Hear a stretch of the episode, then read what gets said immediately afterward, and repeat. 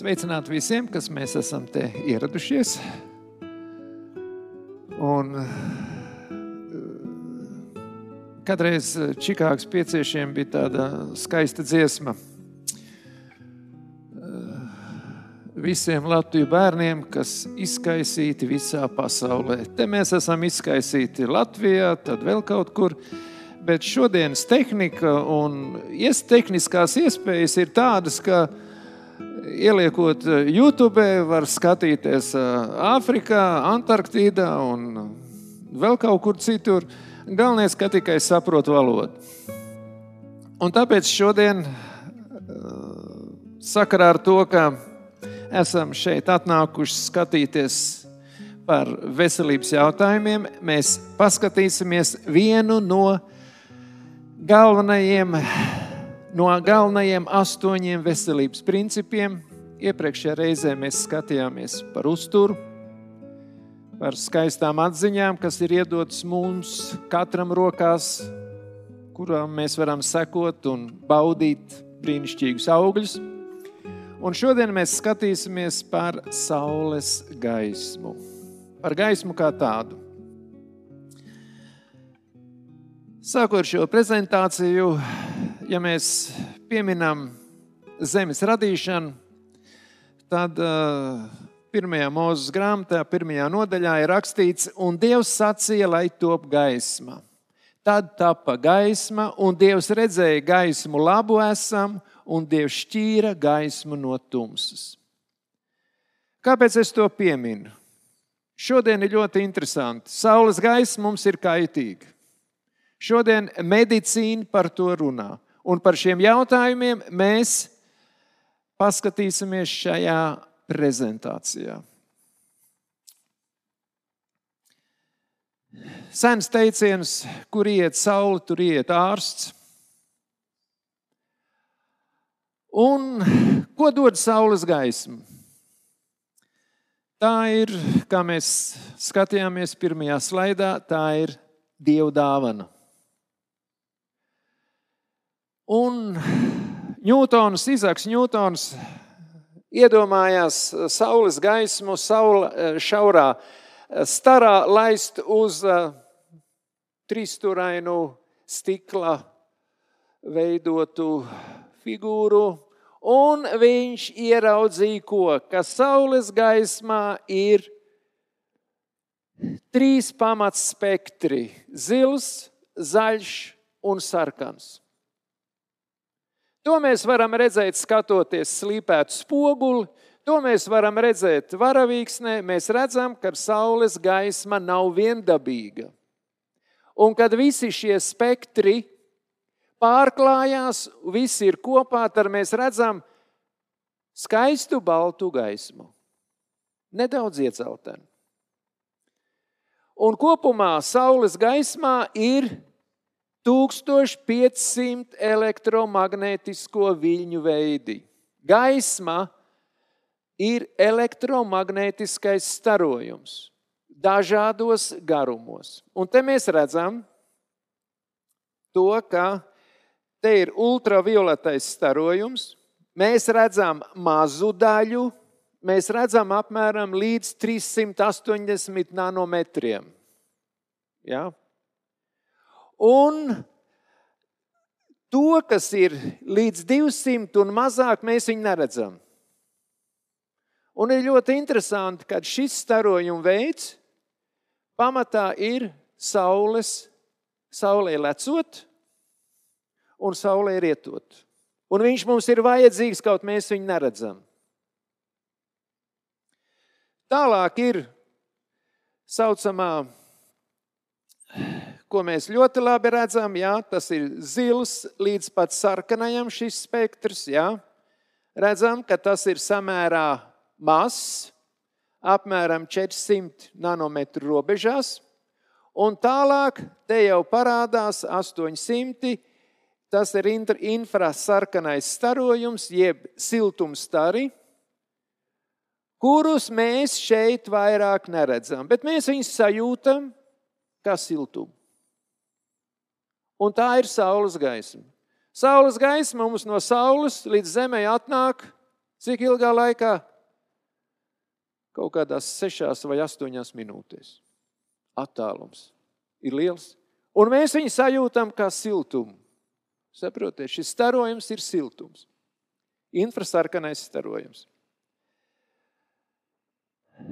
Mēs zinām ļoti skaidri, kad uh, saules gaisma nogalina praktiski jebkuras baktērijas un vīrusus. Praktiski jebkuras. Bet mēs šodien paskatīsimies par lietām, kuras ir samērā unikālas, kuras varbūt mēs arī citur nevaram uzzināt. Ir tāda viela, kas ir ciešā veidā saistīta ar saules gaismu un atrašanos saules gaismā, gan cilvēkam, gan dzīvniekam. Tas ir melatonīns.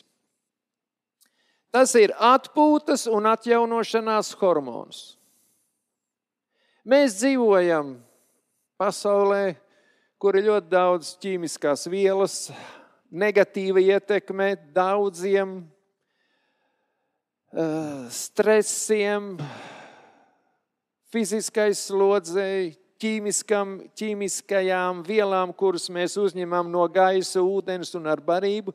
Un šīs vielas mums izsauc dažādas izmaiņas organismā. Un melatonīns ir tas, kurš atjauno un dod mums atpūtu. Par to mēs atkal runāsim drusku vēlākajos slaidos. Kur veidojās? Melatonīns galvenokārt veidojās šeit ir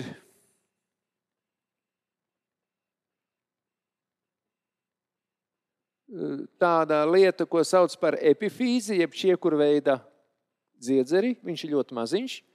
Un viņš atrodas netālu no hipofīzes. Ja? Ļoti dziļi šeit pakausī, ļoti dziļi un ir aizsargāts. Tā ir visvairāk, visspēcīgāk aizsargātā vieta mūsu, mūsu smadzeņu dobumā. Jo ir ļoti svarīgas funkcijas veido Epifīze organismā veido hormonus, jā, un veido hormonus arī hipofīze. Bez kā mēs nevaram pastāvēt. Ko dara melatonīns? Miega laikā remontē organismu. Ko tas nozīmē? Mūsu dzīvesveids un eksistēšana uz šīs planētas mūsu organismā izsauc negatīvas izmaiņas. Un lai cilvēks nesabruktu pēc piedzimšanas, organisms visu laiku ir jāatjauno un jāremontē. Es jums runāju tādos ļoti vienkāršos vārdos. Un to dara melatonīns. Ko vēl viņš dara? Iepriekš mēs runājām par brīvajiem radikāļiem, kur ir gal, viena no galvenajiem iekaisuma audzēju un visiem toksiskajiem procesiem organismā, kas izsauc izmaiņas mūsu organismu šūnās. Un melatonīns ir viens no tiem, kas bloķē šos brīvos radikāļus. Tāpat, kad tas attiecās uz kancerogēnām vielām, tātad audzēju izsaucošām vielām, Tāpat tas atsaucās arī uz tiem augu saucamajiem aizsardzības līdzekļiem, kurus izmanto lauksaimniecībā, kuri tāpat ir bīstami. Un, protams, no radioaktīvā starojuma mēs zinām, ka mūsu augsne, gaiss un ūdens ir, ir piesārņot ar šiem uh, ilgstoši sabrūkošajiem radioaktīvajiem atkritumiem, un, diemžēl, šī planēta nemaz tā neattīrās no viņiem. Un arī šo ietekmi melatonīns mazina. Vēl kas ir? Sakarā ar to, ka melatonīns ir atjaunošanās hormons, ko izstrādā mūsu organisms. Tas ir ielikts Visos zīdītājos tas ir ielikts abiniekos, rāpuļos, zivīs, kukaiņos, putnos. Tātad viņš arī palie, palēlina novecošanās procesu. organisma novecošanās procesu. Tāpat arī pozitīvi, tātad atvainojos nevis pozitīvi, bet pozitīvi ietekmē mūsu organismu un negatīvi ietekmē jebkuru ļaundabīgo audzēju attīstības procesu. Negatīvi ietekmē un stimulē mūsu imūnsistēmu. Ko vēl? Melatonīns ir viela, kas kavē ievērojamā veidā stresa reakciju attīstību. Un vienlaicīgi arī bremzē mūsu asinsvados holesterīna nogulsnēšanos, palīdz mūsu organismam cīņā ar šīm sirds slimībām, kas ir šī gadsimta viena no lielākajām nelaimēm, un vienlaicīgi arī samazina sirds aritmijas risku. Ļoti pozitīvi ietekmē osteoporozes ārstēšanu. Trešajā vietā pasaulē pašlaik arī mūsu zemē saslimšanas cēloņu un nāves cēloņu ziņā jau parādās cukurslimība. Un melatonīns ir tas, kurš ievērojami atjauno insulīna izstrādi organismā. Es jau pieminēju, ka viņš samazina būtībā visus iekaisumu procesus organismā. Absolūti nekaitīgs. Absolūti nekaitīgs. Ja? Un būtībā tās ir visunikālākās zāles. Jo melatonīns ir tas, kurš organismā stimulē un veido organisma aizsargs spējas. Un te ir tāds, tāda lieta par cilvēki, lai kaut ko atrastu un pierādītu, ļoti bieži izmanto dzīvniekus kā eksperimentu dzīvniekus. Ja? Un te bija divas žurku grupiņas, kuras inficēja ar bīstamu vīrusu, pakļāva vēl papildus stresam, un vienai grupai ievadīja melatonīnu, otrai grupai neievadīja. Kāds ir rezultāts? 92% nomira no viena grupa, un otras grupas nomira tikai 16. Un tai grupai, kurai tika lietots melatonīns kā aizsarga līdzeklis, tur nāves gadījumi bija tikai 16%.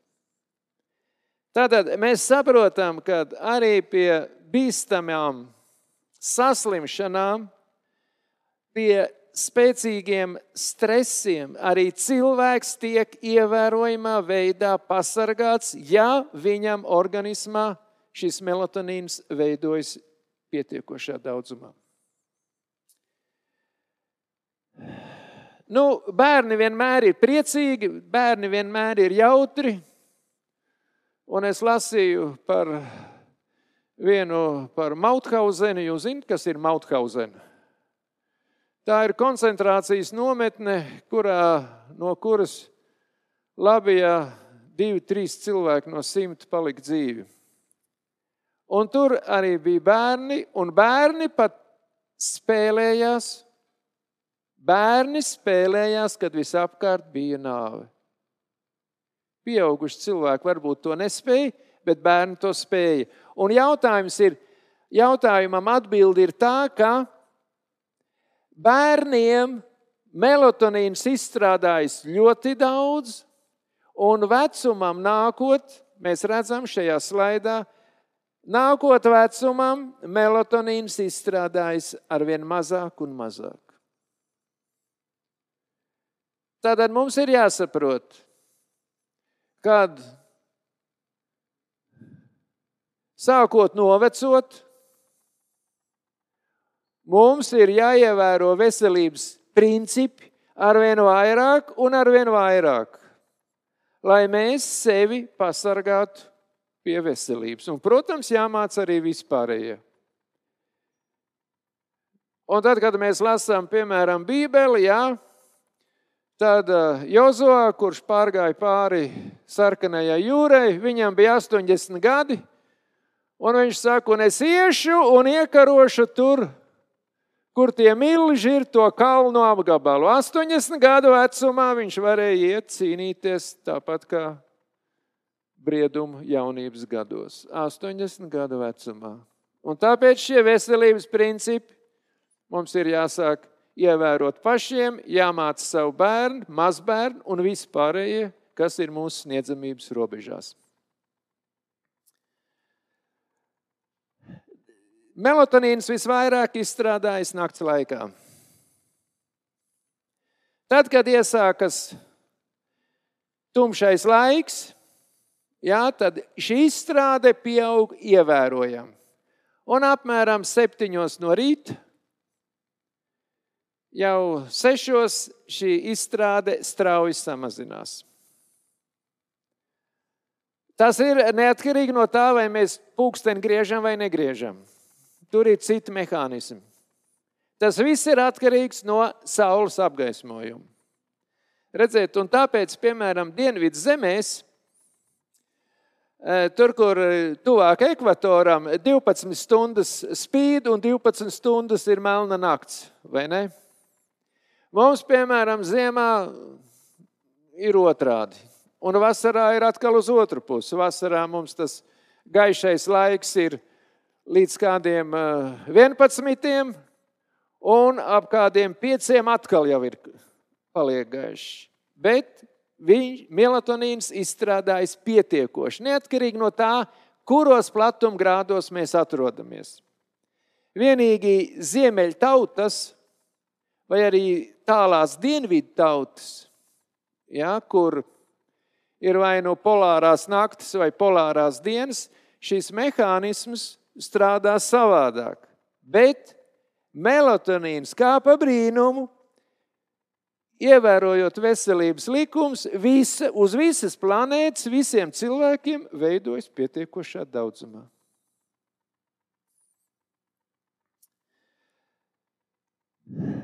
Lai melatonīns veidotos pietiekošā daudzumā, cilvēkam ir jāatrodas apgaismojumā. Dienas laikā viņam jāatrodas apgaismojumā. Bet, ja mēs salīdzinām, ja mēs atrodamies sintētiskajā apgaismojumā, tātad rūpnīcā, skolā, telpās, ja mēs strādājam, tad melatonīna daudzums nakts laikā, redziet, Trešā daļa. Salīdzinot, ja mēs dienas redzamajā laikā, gaišajā laikā atrodamies saules gaismā, tad melatonīns nakts laikā izstrādājas trīsreiz vairāk. Un tāpēc, e, ja mēs skatāmies uz e, apgaismojumu, tad vislabākais mākslīgais apgaismojums ir no svecēm vai no degoša uguns. Nākošās ir kvēlspuldzes, kuras vairs gandrīz nopirkt nevar. Un tad pašā apakšā ir šīs spuldzītes, kuras ir šis, šī baltā gaisma.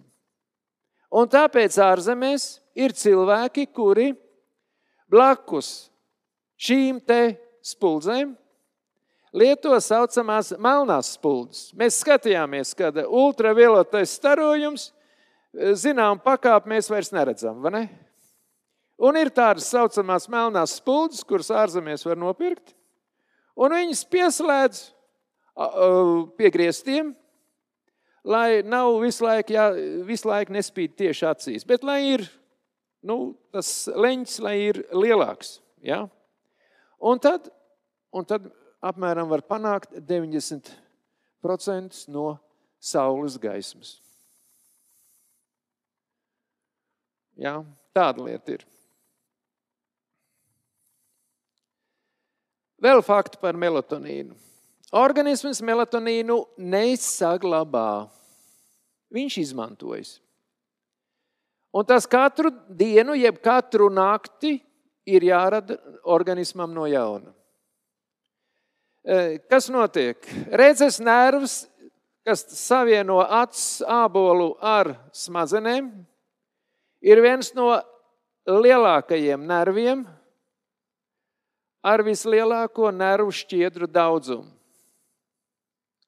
Un kas notiek?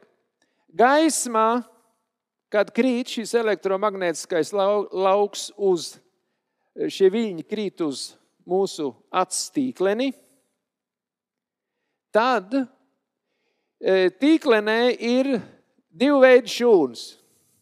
Ir nūjiņas, kuras uztver melnu, baltu gaismu un kontūrus. Un vienlaicīgi tur ir arī vālītes, kurām ir, kurām ir trīs veidā nu, sauksim tos par pigmentiem. Viens pigments reaģē uz sarkano starojumu, viens uz zaļo un viens uz zilo. Un saprotiet, un tad, kad gaisma krīt uz mūsu acīm, tad šie pigmenti, šīs pigmentu šūnas reaģē, un viņos, veid, viņās veidojās vāja elektrība, kas kā nervu impulsu veidā dodas uz smadzenēm.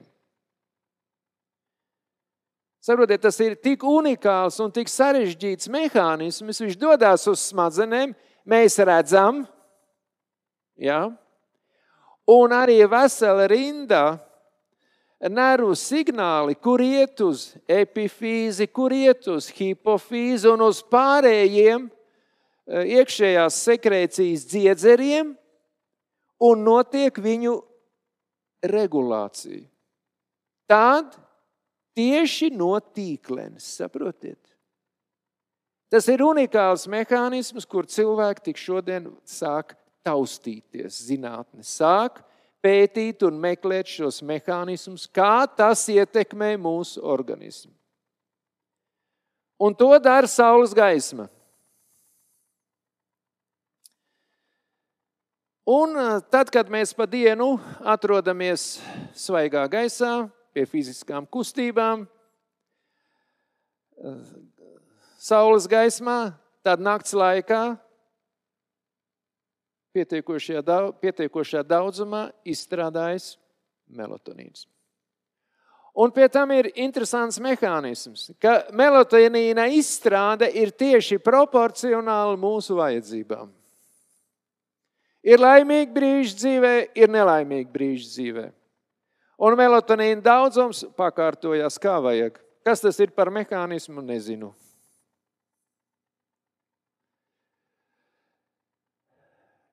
Melatonīns var veidoties arī tieši acu stīklenē.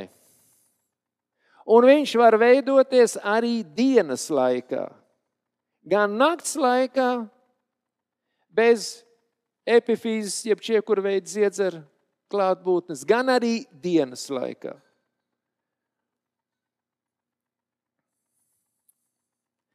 Tātad miegs ir ļoti laba lieta.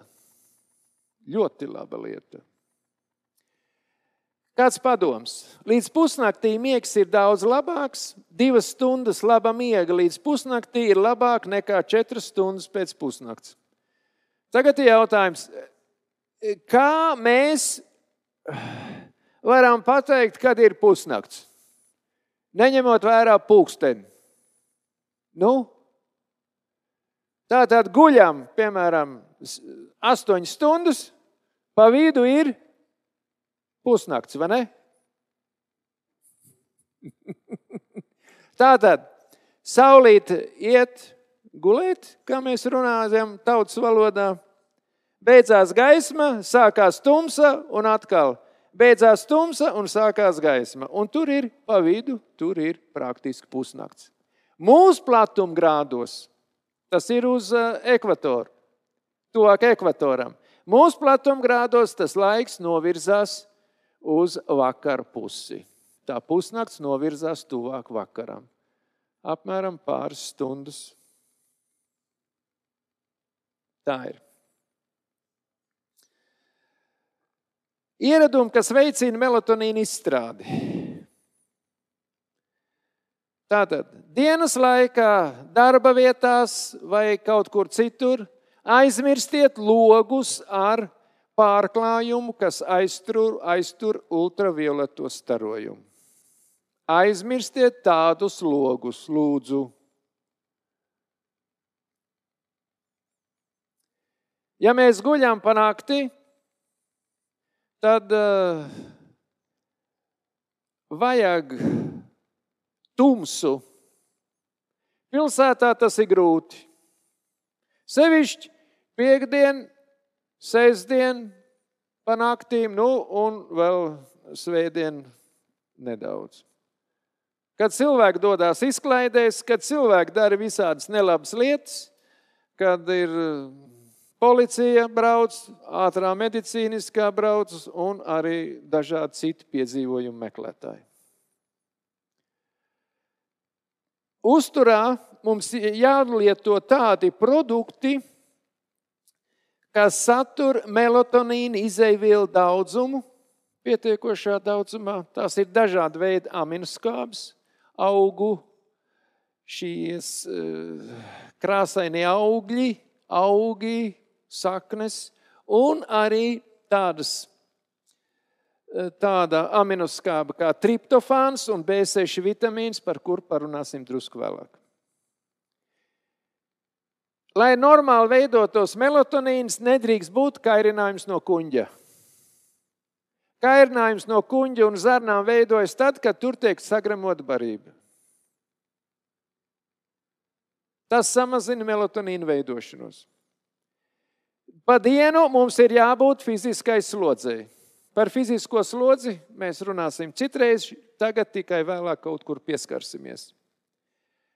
Jāsaprot, ka visas stresainās lietas mums ir jākārto no rīta, bet ne vakarā. Gribat noskaidrot ģimenē attiecības, ceļaties pirms darba un skaidrojiet, cik vien patīk, bet ne vakarā. Tas attiecās gan uz bērniem, gan uz mazbērniem, gan uz pašiem. Vakarā televizors nav jāskatās, un, un citas lietas nav jādara. Ļoti labas ir viegla fiziska slodze, jeb pastaigas, ja jūs pa dienu fiziski nestrādājat tieši vakar pusē. Nu, protams, laicīgi gulētiešana. Melatonīns veidojas no daudzām aminoskābēm. Tur ir nepieciešami dažādi vitamīni. Svarīgākos mēs, mēs uh, apskatīsim. Bet kopīgās izaivielas priekš melatonīna veidošanās, uh, kur visvairāk atrodas? Te, piemēram, ir augu līdzekļi. Jā, un jūs redzat, kā viņi pieaug rīsi, kukurūza auzas. Rīsi, kukurūza auzas. Bet aizmirst, bet jāpiemina, ir kādi rīsi. Ne jau tie gludie, slīpētie un balinātie. Pēc iespējas dabiskāk, pēc iespējas melnāki.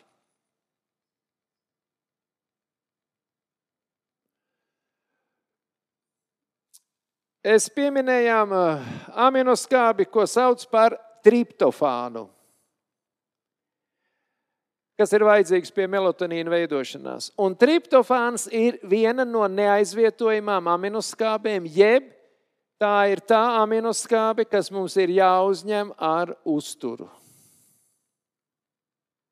Ja? Šīs sešas aminoskābes mums ir obligāti jāuzņem ar uzturu. Šīs daļēji neaizvietojamās. Viņas var veidoties arī organismā, pārveidojoties vienai aminoskābei par otru. Tas ir cits jautājums. Un, un tās, kuras ir pilnīgi aizvietojamas, tās ir praktiski tikai trīs gabalus. Tātad, kas ir bagāti ar triptofānu?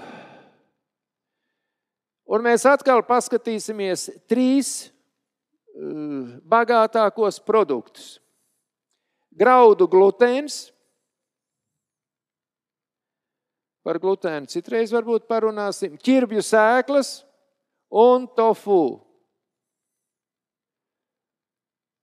Un kādreiz, kad mēs runājām par um, cilvēks ir gaļēdājs vai viņš ir augētājs, tad es pieminēju to, ka tās aminoskābes, kuras cilvēkam vajadzīgas, ir visvairāk,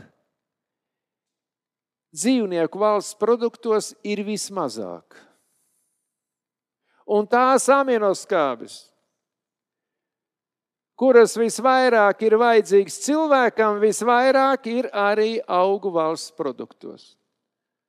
Un šeit ir ļoti labi produkti, ir pupiņas. Dažāda veida pupiņas un sēklas. Pupiņas un sēklas. Ar B6 vitamīnu, kas ir bagāti. Nu, paprika ir rekordists. Ja? Un atkal mēs redzam šos augu valsts produktus, kuros ir daudz B6 vitamīnu. Un tās ir, ir, tās ir vielas, kuras mums organismam ir vajadzīgas, lai veidotos pietiekošā daudzumā melatonīns. Ja mēs runājam par dienu, dienas laikā, tad uh, ir tādi pētījumi, ka, piemēram, cilvēku grupai viena stunda viņi brauc ar stacionāriem velospēdiem. Pēc nodarbībām izmērīja melatonīna līmeni, izrādījās, tas ir palielinājies divas, trīs reizes. Bet tas ir jāsaprot, ka tas melatonīna līmenis, kas ir dienas laikā veidojās, ir samērā mazs, bet maksimums veidojas nakts laikā. Mierīgi guļot. Aizmirstiet nakts darbus, maiņu darbus, tie ir jāizmirst.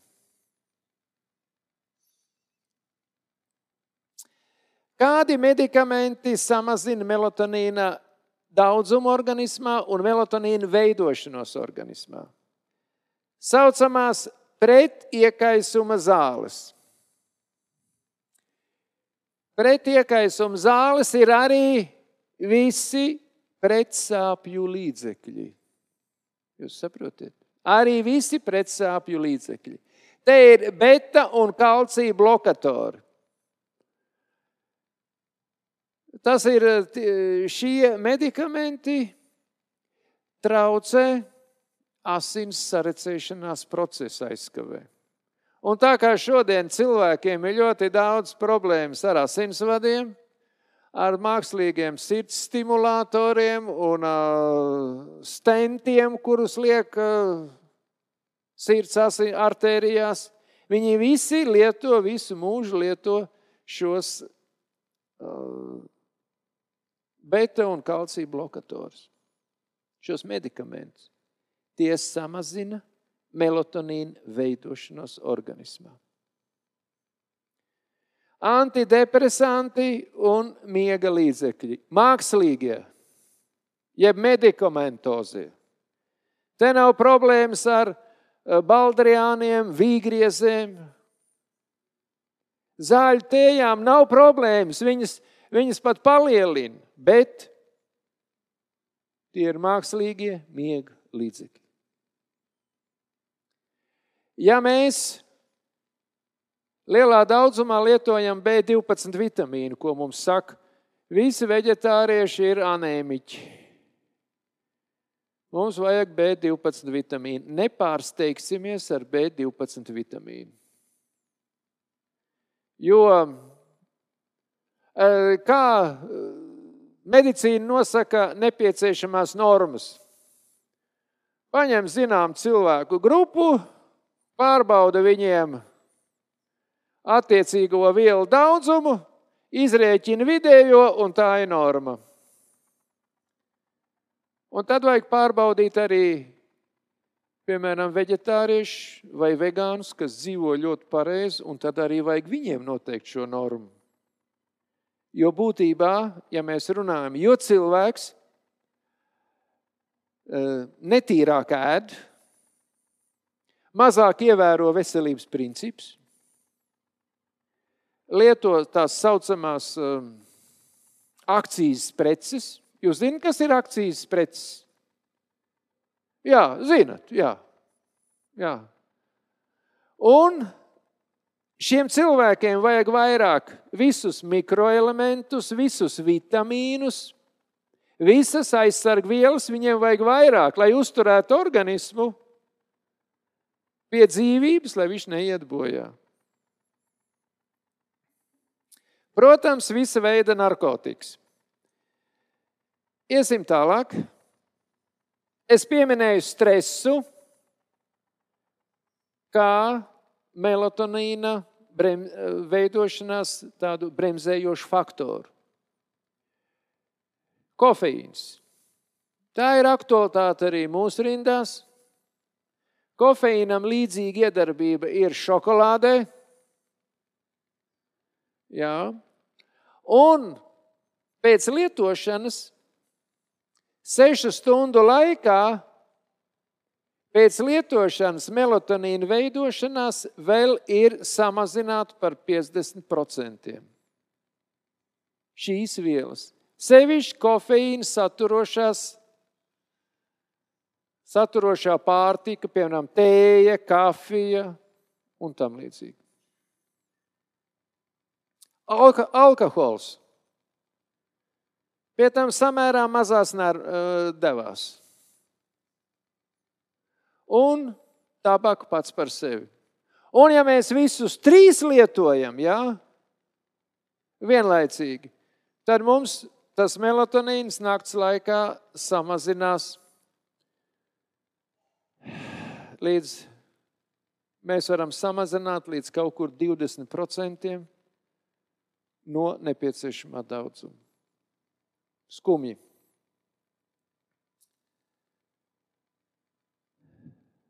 Uzturā pēc iespējas mazāk dzīvnieku valsts produktus un taukvielām bagātus ēdienus. Tas ir tāds aicinājums visiem, un paskatīsimies, kāpēc. Saules gaisma Ja mēs runājam attiecīgi par saules gaismu, tad mums būs atsevišķa prezentācija par osteoporozi un visiem šiem mehānismiem citā reizē. Šodien mēs to neskatīsim. Saules gaisma ir dabīgs ārstniecības līdzeklis. Un tagad izlasīsim. Invalīdi pārāk bieži norobežo sevi no saules gaismas, bet tā ir viens no labākajiem dabīgajiem ārstniecības līdzekļiem. Baudīt dievu doto gaismu mūsu mājās, izgraznojot tās ar šīs gaismas mirdzumu, tas ir ļoti vienkārši, bet tieši tāpēc nav populāri. Un atcerēsimies, bālās princeses un bālos cilvēkus, kas sevi ieslēdza viduslaikos karaļu pilīs, mūku un mūķeņu ķellēs, klosteros un tam līdzīgi. Un arī, un kas tad bija veseli, kungi slimoja, un veseli bija visi tie, kas viņus apkalpoja, kas bija saules gaismā, kas tik labi nēda, kas fiziski kustējās. Gadu laikā cilvēkiem iztukšojas enerģiju rezerves, atstājot ar vien mazāk tos dzīvības spēkus, ar kuru palīdzību iespējams pretoties slimību izraisošajai ietekmei. Tādēļ vecākiem cilvēkiem ir lielāka nepieciešamība pēc saules gaismas un svaiga, tīra gaisa. Mēs skatījāmies, kā vecumā melatonīna izstrāde kļūst ar vien mazāk un mazāk. Un tāpēc cilvēkiem, kuriem jau ir gadu nasta, viņiem saules gaismā jāatrodās ar vien vairāk un vairāk. Un pilsēta nav tā īstā vieta. Visi vecie cilvēki jāsūt dzīvot uz laukiem. Tā kā bērniem un mazbērniem jārūpējas par saviem vecākiem un vecvecākiem. Atcerēsimies!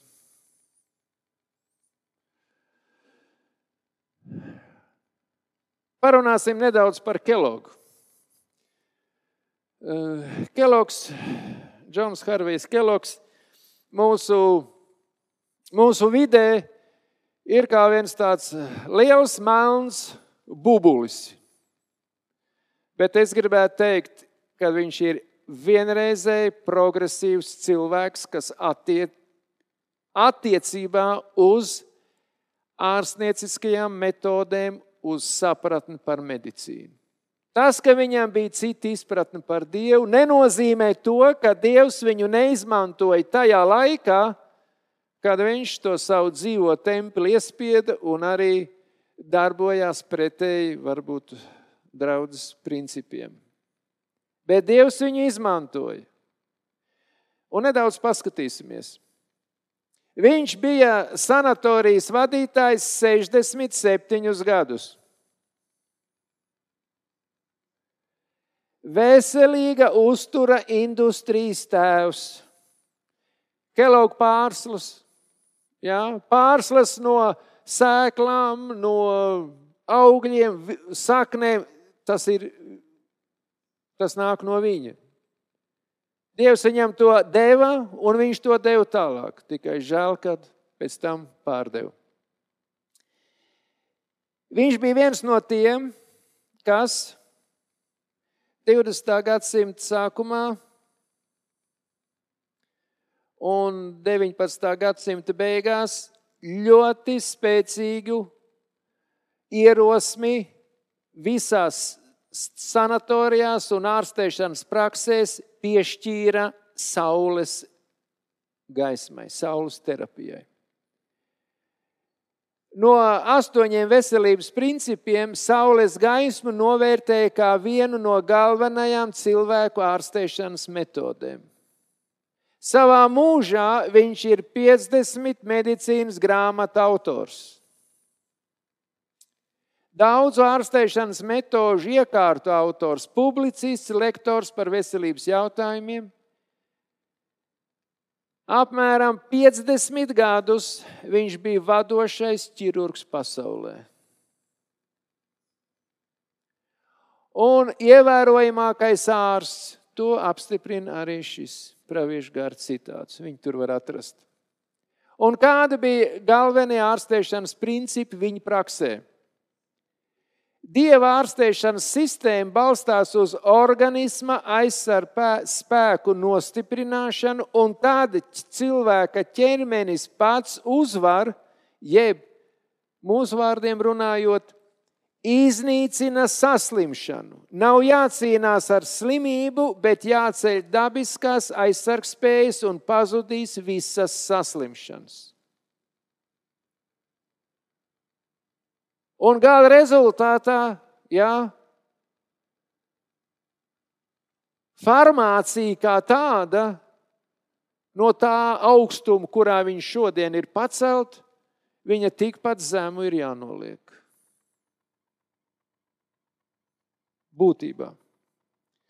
Jā, un uh, tagad pavērojiet, Kelogs dzīvoja no 1852. gada līdz 1943. gadam.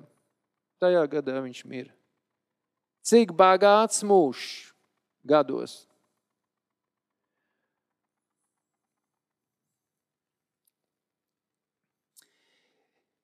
I ko vēl darīja šis ievērojamais 20. gadsimta ārsts?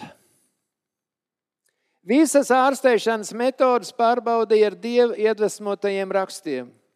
Atmeta visu, kas nesaskanēja ar dievišķajiem padomiem, tad tos pielietoja praksē un praktiski nekad nekļūdījās.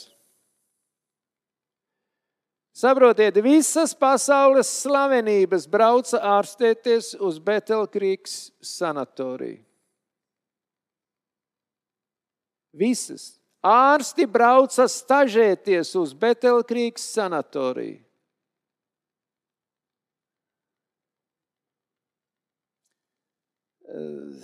Ko Keloks atrada un arī kas mums ir pateikts. Cilvēks rīkojas pēc saskaitīšanas principa, bet Dievs pēc reizināšanas.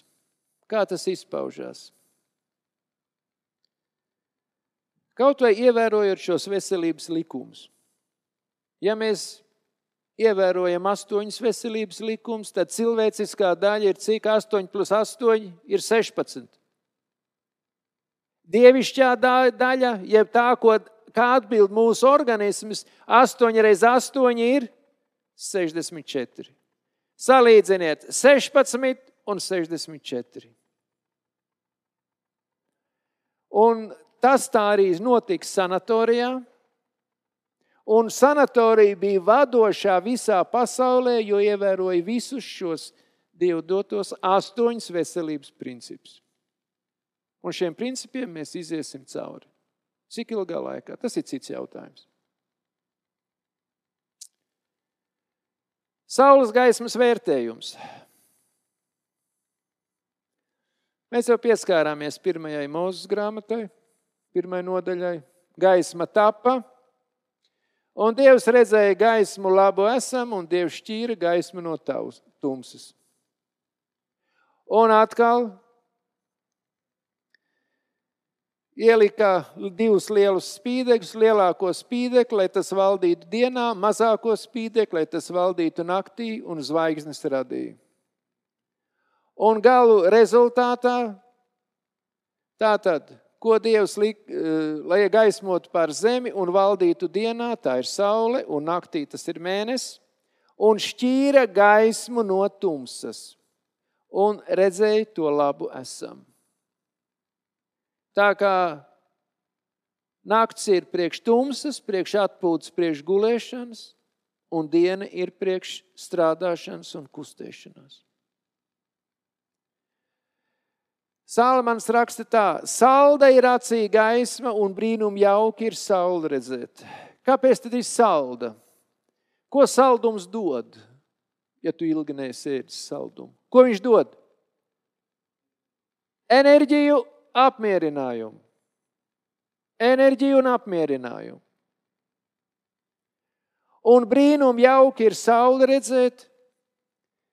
Tātad cilvēkam ir labsajūta.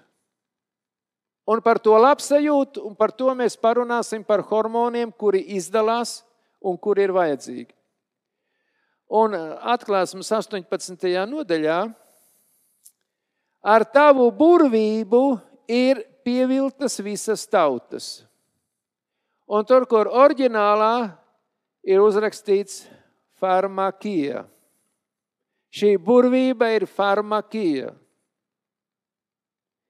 Un šodien mēs to ļoti skaidri varam saprast. Mums ir jābūt pietiekoši daudz zināšanām, lai saprastu, kur farmācija mūs krāpj un pazudina, un kur varbūt nelielā daudzumā mēs to varam izmantot. Te ir divi tādi ļoti ievērojami cilvēki, Mahatma Gandijs un Alberts Einsteins. Un te ir uh, 14. septembrī 1922. gadā Gandijs pateica tādus vārdus. Ir pareizi angliski iztulkots, es atvainojos.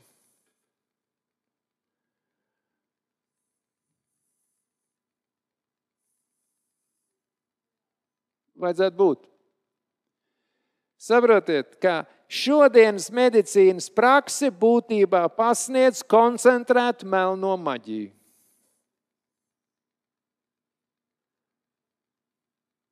Ja mēs tā kardināli ieskatāmies Bībeliskajā patiesībā un šodienas medicīniskajā patiesībā, tad mums ir stingri jāpadomā, kādu ceļu mēs ejam un kādi ir rezultāti.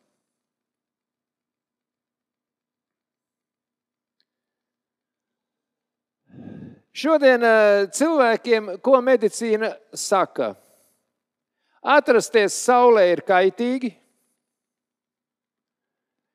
Saules gaisma bojā redzi, izsauc tīklēnas deģenerāciju, ir kancerogēna, izsauc audzējus, iekaisumus, alerģijas, pastiprina ādas nolobīšanos, samazina tās elastību, veicina novecošanos. Iedegums ir ādas bojājuma pazīme, un maziem bērniem saules gaismā atrasties ir kaitīgi. Tātad šodienas zinātne, farmācija un oficiālā medicīna pasaka skaidri: saule ir demoniska. Viņa demonizē sauli un saules gaismu un vienlaicīgi dzēš patiesību no tā, ko mums ir atstājusi Bībele. Un tagad paskatīsimies tālāk. Paskatīsimies tālāk. Te ir tāda data par Ameriku. Ja saule ir tik kaitīga, tad 1840. gadā lauksaimniecībā strādāja vismaz 70% no cilvēkiem, 2000. gadā 2%.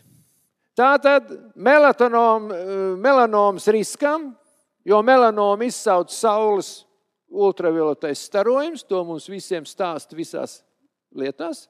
Tātad vajadzētu samazināties cik reizes? Nu, viens 35 reizes, vai ne? Nu, un kā ir tālāk?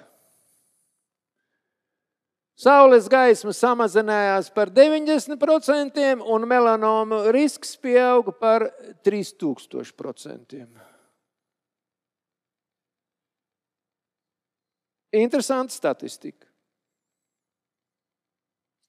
Anglijā ir tāda Manchesteras vai Manchesteras universitāte, un šīs universitātes zinātnieki pētīja audzēju izcelšanās jautājums.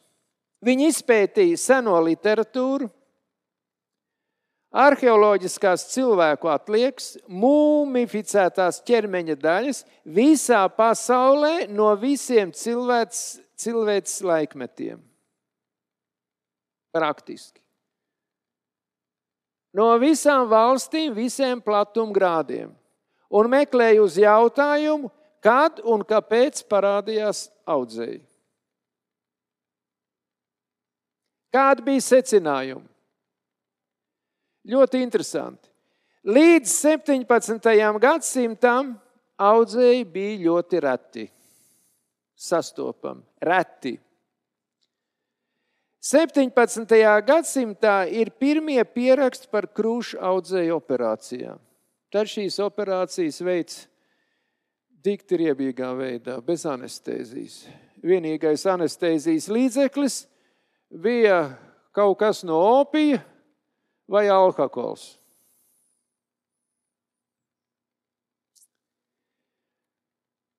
Pirms 200 gadiem sāka diferencēt audzēju veidus. Apmēram pirms 200 gadiem tikai. Kolumba otrais brauciens, jā, tas ir 1493. līdz 1496. gads. Šajā laikā Eiropā nonāk tabakas sēklas un nonāk tabakas lapas un sāk cilvēki smēķēt. Cilvēks sāk smēķēt. Latvijā ļoti ātri Latvijā ienāca eh, tabaks pīpēšana un ļoti strauji izplatījās jau 16. gadsimta sākumā. Ļoti strauji. 1761. gadā parādījās šņaucamā tabaka un parādījās deguna audzēji.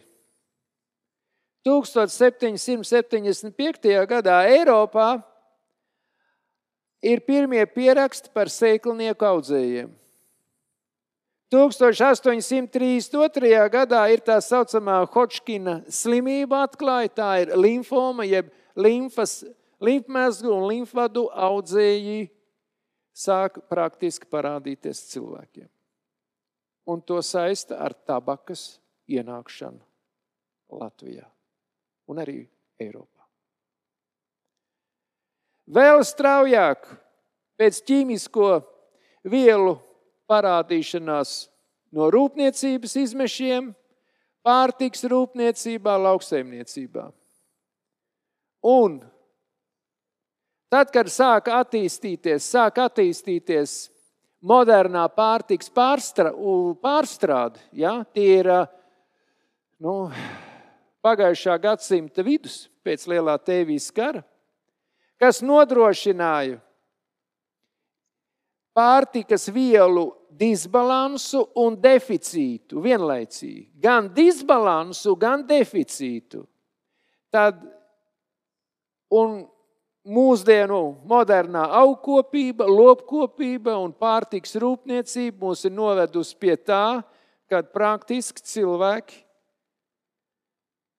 slimo arvien vairāk un vairāk un vairāk. Parunāsim par Centrālo Āfriku. Vēl kādi interesanti fakti, ko ir atraduši zinātnieki. Ir viena cilts, es aizmirsu jau, kā viņu sauc. Viņa visu mūžu dzīvo gandrīz kaili, lieto augu uzturu, nepazīst audzējus, parazitārās saslimšanas, milzīga fiziskā izturība un spēcīga imunitāte. Mūsdienās apmēram nepilni 20 gadu veci dati. Mūsdienās. Gan arī tāpat kā Hunas tauta. Tur, Himalajos. Ja? Un tad ir interesanti. Blakus ir kaimiņi. Un tas saistās ar Albertu Šveiceru un viņa meitu Renu, kuri nodibināja šo ārstniecisko misiju Āfrikā, Centrālā Āfrikā, Lamberīnī, Tas ir Āfrikas rietumkrasts. Un viņu dzīves laikā šīs cilts pārstāvjiem bija līdzīgs dzīvesveids, diēta, tikai viņi sāka nesāt saules brilles. Viss ir vienādi. Vienīgā atšķirība, ka viņi nesā saules brilles. Un pieauga audzēji, kaut arī Alberta Šveicera Āfrikas perioda laikā, no 913. līdz 965. gadam, šajā ciltī audzēja nebija. Tie parādījās pēc saules brīļu liet, nepārtrauktas lietošanas, nesāšanas. Vajag vai nevajag? Nevajag. Un viņi sāka nepārtraukti lietot, un es jums runāju par šiem tīklenē, par šiem trim tīklenes vālīšu pigmentu šūnām. Un šīm pigmentu šūnām ir vajadzīgs pilns saules gaismas spektrs, lai normāli veidotos melatonīns un veidotos normāla imunitāte. Tāpēc, ja mēs gribam normālu imunitāti, mums ir jāizmirst saules brilles. Ja mēs gribam metināt, lūdzu, uzliekam, lai aizsargātu no pārāk spēcīgās gaismas. Un, ja mēs varam, tad, ka mums nav nepieciešams, piemēram, valkāt brilles, cilvēkiem vajag brilles, bet atrodiet laiku, lai jūs varat staigāt, dzīvot bez brillēm, ja tas ir iespējams. Un nekādā gadījumā nevajag izmantot tos ārstu ieteikumus, kuri saka, ka Nu, vajag speciālās brilles, kuras pasargā no ultravioletā starojuma. Un tāpēc ir ieteicams saulīt sagaidīt, kad viņa aust, un viņā skatīties, kamēr tas nepaliek apgrūtinoši.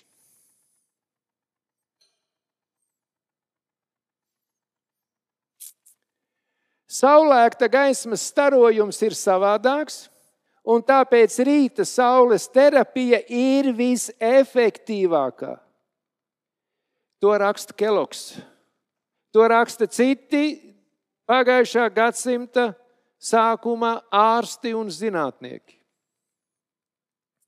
Sevišķi, ja mēs to vērojam, kamēr tas nav apgrūtinoši, kā es teicu. Vēl labāk un straujāk atvesaļošanās notiek, ja papildus šajā laikā ir svaigs gaiss, gaisa peldes, viegla fiziska slodze, ūdens lietošana, regulārs miegs un veselīgs augusturs. Un tāpēc gaisa peldes. Nu, ja tu esi viens pats, tad tu staigā ādama kostīmā, saulītē un svaigā gaisā. Ja nav viens pats, nu tad kaut cik minimāli vajag aizsekties. Tās ir gaisa peldes. E, nopietni runājot, arī ziemas laikā mēs varam uz piecām minūtēm izskriet laukā, plavkās, kamēr mums galīgi nesaust.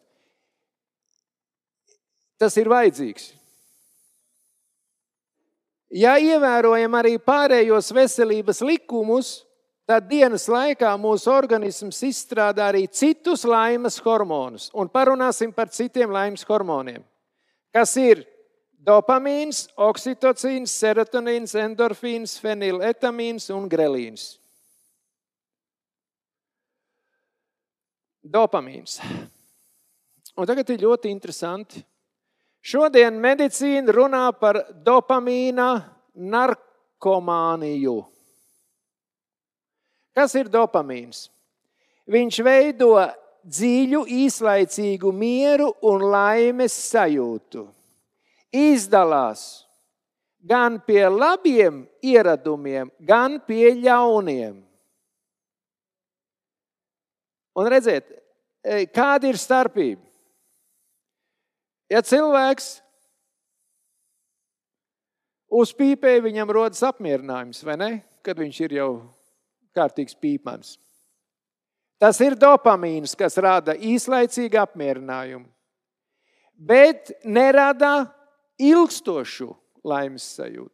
Un tāpēc, vai tas ir kāda narkotika, vai kafija, vai cigaretes, vai alkohols, šo dopamīnu vajag Šo kairinātāju vajag vēl un vēl un vēl, lai veidotos dopamīns un lai šī laimes sajūta būtu turpinātos visas dienas garumā. Saprotiet?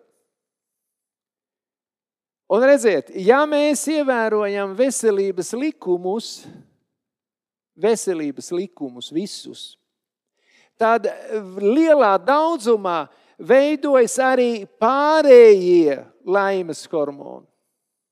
Bet ja mēs ar neatļautiem līdzekļiem gribam panākt savu labsajūtu, tad šī labsajūta ir īslaicīga. Un viņa mūs dzen arvien dziļāk un dziļāk atkarībās. Saprotam, tas ir praktiski visas, visu narkomu, narkotisko vielu pamatā. Šis mehānisms. Un tas ir dopamīns. Un redziet, ja mēs runājam par pārējiem šiem laimes hormoniem, ir oksitocīns. Tas ir mīlestības hormons un veidojas fiziska kontakta laikā. Mātei ar bērniem, bērniem ar māti, vīram ar sievu, fiziski pieskaroties, noglāstot, Viņš veidojas arī tad, kad ir mīļdzīvnieki. Kad cilvēks, piemēram, pastaigājas dabā, mežo, mežā, tas ir tas, kuram ir milzīga loma cilvēku savstarpējās attiecībās. Un saprotiet, un cilvēks savstarpējās attiecībās, ja tur neiejaucās kafijā, citas kairinošās vai daļēji narkotiskās vielas, piemēram, kā laurlaps, kā pipari, ja, tad attiecības dzīves laikā ir pozitīvas. Kas vēl narko, narkotiski iedarbojas? Vēl iedarbojas, piemēram, gaļas produkti, ja viņi tiek grillēti, kūpināti, eh, apstrādāti, piemēram, ar ētiķi, kā šāšliks un citas lietas. Ne tikai cūgaļi, bet arī vista, lielops vai kaza. Mums tas ir, tā, tās ir tādas ļoti interesantas lietas. Ir. Ko vēl oksitocīns dara? Stiprina imunitāti, mazina bailes, baiļu sindromu. Ir ilgstoša miera un drošības sajūta. Ilgstoši iedarbojas. Serotonīns Arī tas ir laimes hormons, dod prieku un apmierinājumu. Viņš nav tik ilgstošs kā oksitocīns, bet darbojas samērā ilgi. Ir tie saucamie endorfīni. Te ir rakstīts, palīdz darboties pāri komforta zonai un dod laimīgu atslābumu un ir dabīgas pretsāpju zāles. Ko tas nozīmē? palīdz darboties pāri komforta zonai. Nu, man ir, nu, nu tā, runājot, nu, man ir vēl palikuši, nu, tur varbūt desmit maisi, ko aiznest no piekabas, piemēram, līdz dārziņam. Vai man ir jāizdara noteikts darbs, kurš man vairs negribās darīt. Bet nav daudz, nedaudz vēl ir palicis izdarīt darbu līdz galam. Jūs saprotiet, jebkuru darbu. Un tad, kad mē, tā, un šis ferments, e, šie endorfīni, tā ir vesela grupa, un tad, kad mēs padarām, piespiežam it kā sevi padarīt darbu līdz galam, tad iestājas ilgstoša laimes sajūta, apmierinājums sajūta. Kaut vai tad, kad mēs, eh, piemēram, pasakām nē, kārēji, ja metam no smēķēšanu un pasakām nē, šodien kārēji uzsmēķēt. Pēc kāda laika veidojās šie endorfīni, un mums ir apmierinājums, ka mēs to neesam izdarījuši. Apmierinājums, ka mēs neesam izdarījuši ļaunu darbu, ko mums gribās darīt. Jūs saprotat, to mācā psiholoģija, jeb sociālās zinātnes. Un pamats ir šajos laimes hormonos, kuri veidojas, ja ir pietiekoši saules gaisma, be, vēl bez melatonīna.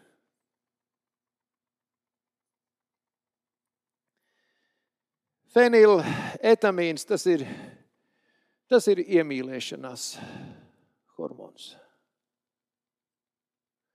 Un grelīns mazina stresu, rada dziļu miegu, regulē augšanu un ietekmē vielmaiņu.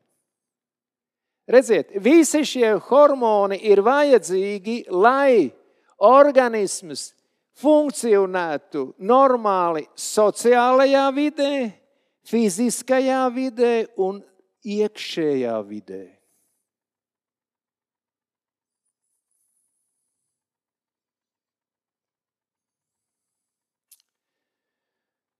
doktors Roljērs. Nu, tā viņa izlasa, ja? angļu. Ir ļoti labi. Saules gaisma nav terapija,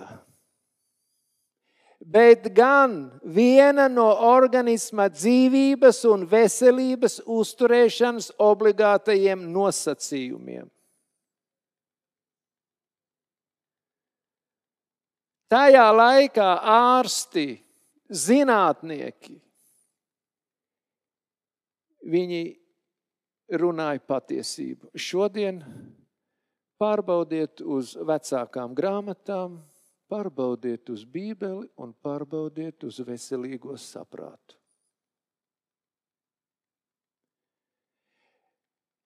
Mēs nepārvaram jūtīgumu pret sauli, bēgot no saules gaismas. Par to mēs parunāsim vēl. Ja? Ādas pigmentācija, jeb iedegums nodrošina inf infrasarkano viļņu nokļūšanu dziļākos organisma audos, un to baktericīdā ietekme ir spēcīgāka ultravioletēm starojumam. Jūs saprotat, kāpēc vajadzīgs ir saules iedegums? Ja ultravioletais starojums no, iet cauri ādai un skar zemādas slāņus, tad praktiski, ja mums ir iedegums no saules, tad šis saules infrasarkanais starojums, kur daļu mēs redzam un daļu mēs neredzam, tik sajūtam, viņš nonāk praktiski visos iekšējos orgānos. Un darbojas baktericīdi. Ir vajadzīgs laiks, lai īsākie ultravioletie starojumi un garākais infrasarkanie, garāki infrasarkanie stari varētu atveseļot organismu. 1927. gads. Tā ir realitāte. Es skatījos datus par to, kā šajos gados ar saules terapiju un augu uzturu ārstēja šodien mums maina locītavs uz mākslīgām. Tajā laikā, šajās sanatorijās, gada, nepilna gada laikā, absolūti deformēts locītavs atgrieza normā, ka cilvēks, nedaudz klibojot, varēja normāli staigāt bez operācijām.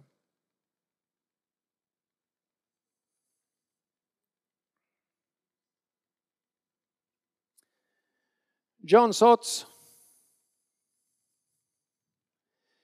Amerikā.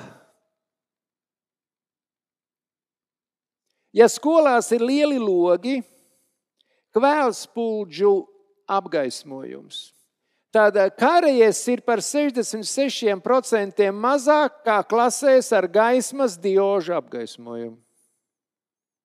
Tas attiecās uz visu organismu, ieskaitot arī pārējo kaulu sistēmu. Pie saules apgaismojuma zivīm, žurkām zūd kanibālisms. Bērniem samazinās hiperaktivitāte, cietumniekiem agresivitāte.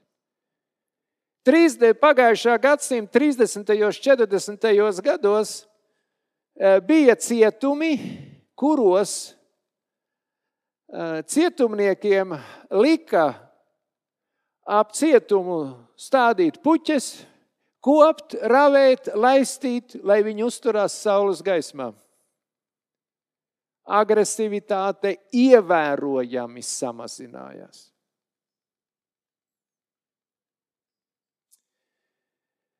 Baltās gaismas diožu lampas organismā izsauc endokrīnus traucējumus. Zilie ekrāni traucē smadzeņu attīstību bērniem tāpat kā kokaīna atkarība.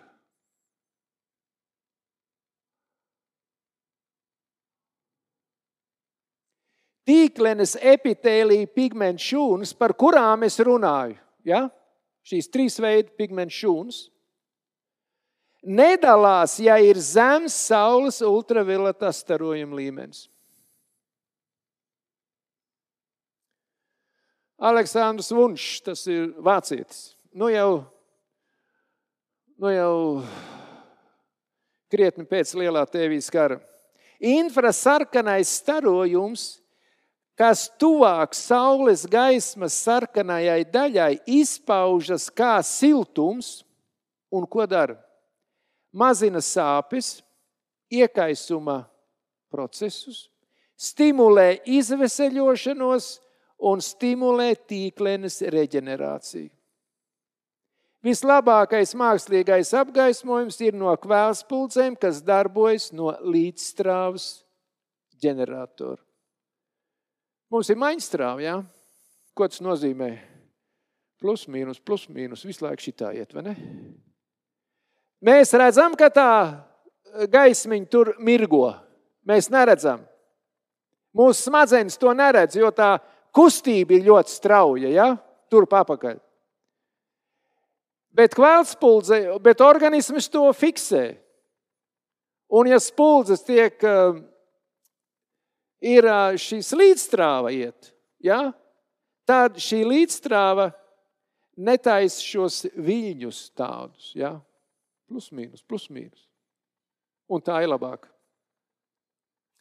Mākslīgais apgaismojums ir toksisks, toksisks, ja trūkst kaut kas no saules gaismas 1500 viļņiem.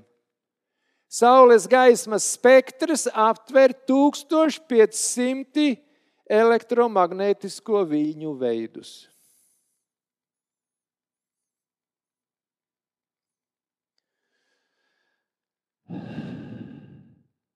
Un tagad pieminēsim šos, ko mēs runājam par pārtiku omega 3 augstskābes, augu polifenoli un 1,3, 1,6 beta-glikāni. Ko mēs runājam pie uztura? Ja kāds grib kaut ko vēl zināt, pašķiriet kroniku atpakaļ. Ir vieni no mūsu veselības pamata elementiem. Pāriesim tālāk. Kāpēc vajadzīgi produkti, kas ir bagāti ar šiem antioksidantiem, minētajām omega-3 augstskābēm, polifenoliem un šiem beta-glikāniem.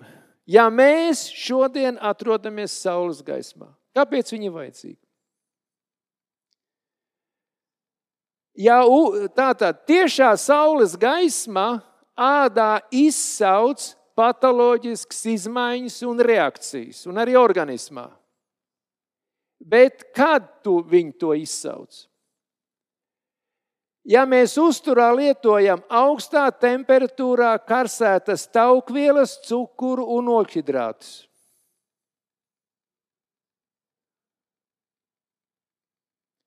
ja mēs lietojam uzturā mākslīgos saldinātājus, alkohols, tabaka. Ja lietojam pārtikas piedevas, piemēram, tīru chlorofilu bez šķiedrvielām, Ir tādas uz, tādu uzturlīdzekļu, kuros viņi ir ļoti daudz. Ja mēs organismā uzņemam ar uzturu, piemēram, smagos metālus, ja mums ir e, ciešs kontakts ar dezinfekcijas līdzekļiem, ja saskaramies ar dabas ķīmisko piesārņojumu augstnē, gaisā, ūdenī, augu un dzīvnieku valsts produktos.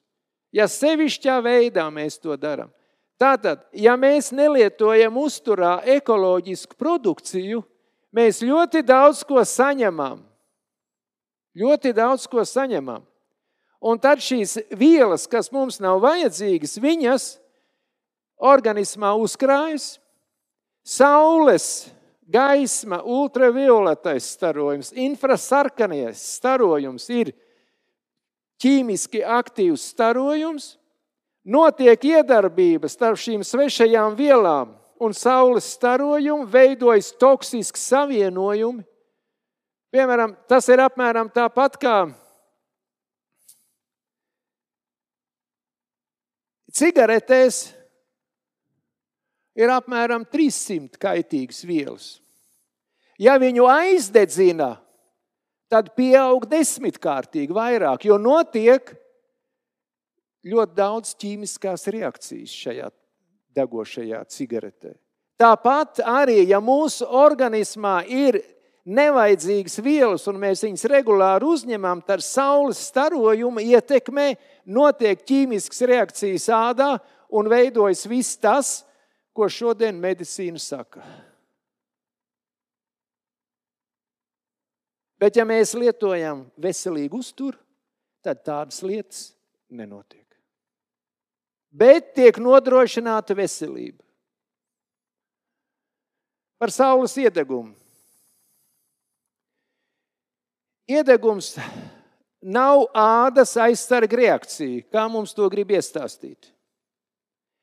Bet veselību nodrošinoša pigmentācija izzūd daudzi apgrūtinoši simptomi un neārstējamās slimības likvidējas līdz teicamam stāvoklim. Tas ir Kelogs citāts. Un tāpēc Betelkrīgas sanatorijā, vai tu biji karalis, ķēniņš, vai ministrs, vai prezidents, visiem bija astoņi veselības principi. Un saprotiet, visi tie bagātnieki un visi tie prezidenti klausījās pravietojums, klausījās, ko Bībele saka, ko ēst, ko nēst. Visiem viņiem bija tam jāiet cauri.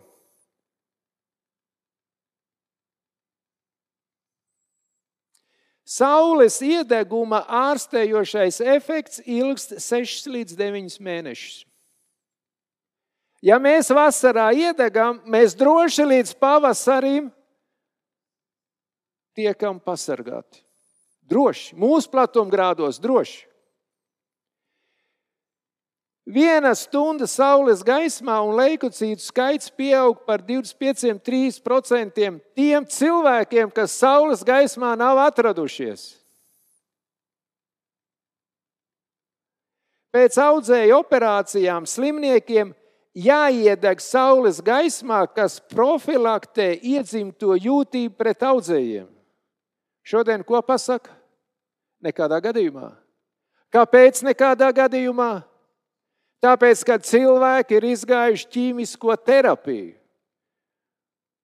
Tieši tāpēc. Keloga laikā izoperēja audzēju, un jau nākošajā dienā viņš bija saulē. Bez ķīmiskās terapijas.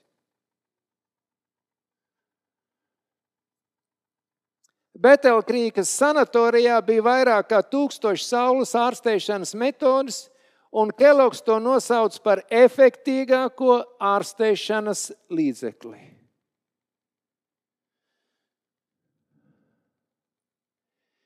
Iedegums veido spēcīgu asins cirkulāciju ādā arī pēc saules staru iedarbības. Ja jums ir jautājumi par iekšējo asins stāzi, ja nesaprotat, paprast. Tātad, ja mēs pa dienu esam saulē, ja mums ir saules iedegums, tad mūsu asins cirkulācija ir daudz spēcīgāka un intensīvāka. Visā ķermenī, visā.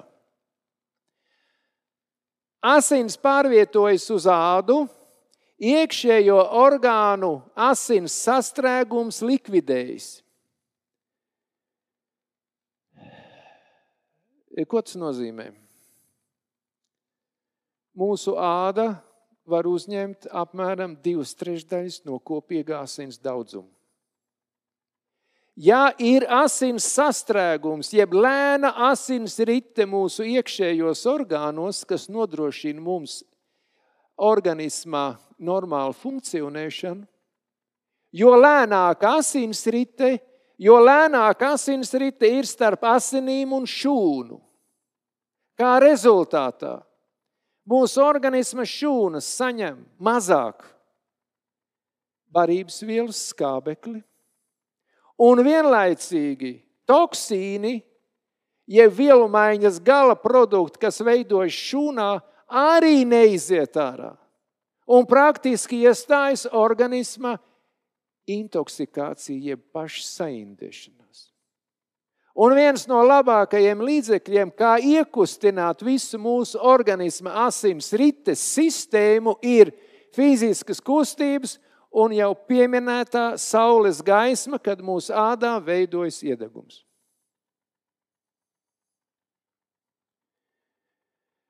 Iekšējo orgānu asins sastrēgums likvidējas, atjaunojas to pilnvērtīga darbība, notiek organisma pareiza dabiska izveseļošanās.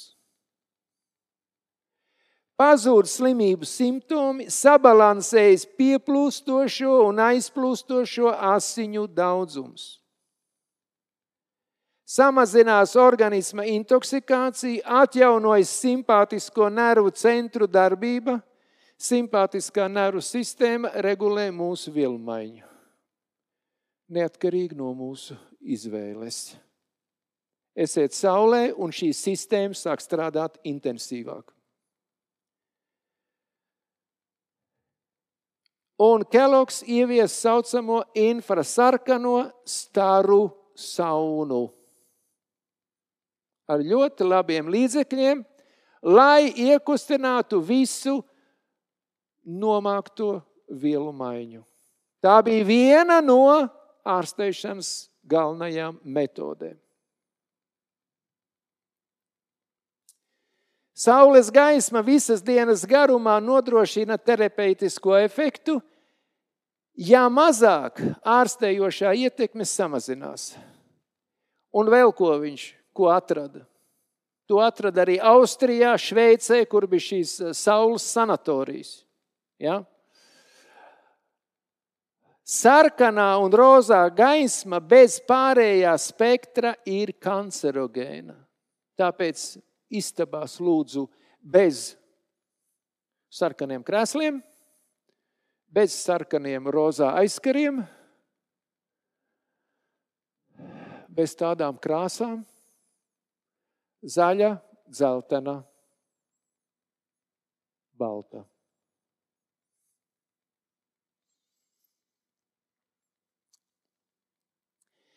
Pretiedeguma krēmi palielina audzēju risku. Saules gaismas terapija jāsāk pakāpeniski kopā ar pārējiem septiņiem veselības principiem. Saules gaisma tonizē, jeb trenē paralizētu atonisku muskulatūru. Pie paralīzēm cilvēkam ir jāatrodas saules gaismā. Ja tiek tonizēta šī muskulatūra, tad daudz ātrāk atjaunojās E, nervu impulsu šī pārtraukšanās vieta, vai tas ir pašā nervā, vai tas ir nervu saknītēs vai muguras smadzenēs.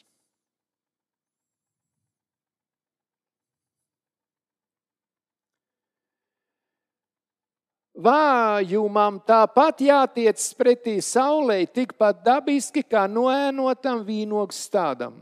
Bāla un vāja zaļa zāle pēc ziemas, kas izlien no zemes, Pēc dažām ārstējošām dienām saulē apdzen veselīgos zaļumus. Izejiet gaismā, saulē un saules siltumā, vājie, bālie un nespēcīgie, un dalieties ar augiem veselīgajā spēkā.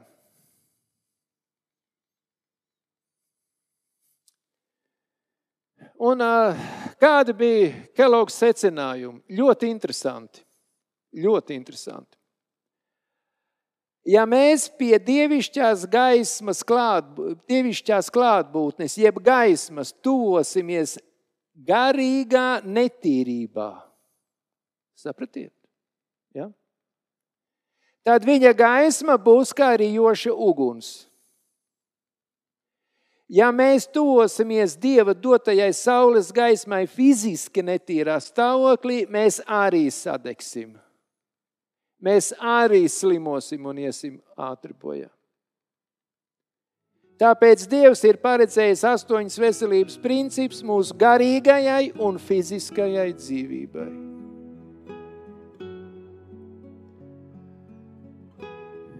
Mēs nedaudz pieskārāmies saules gaismai.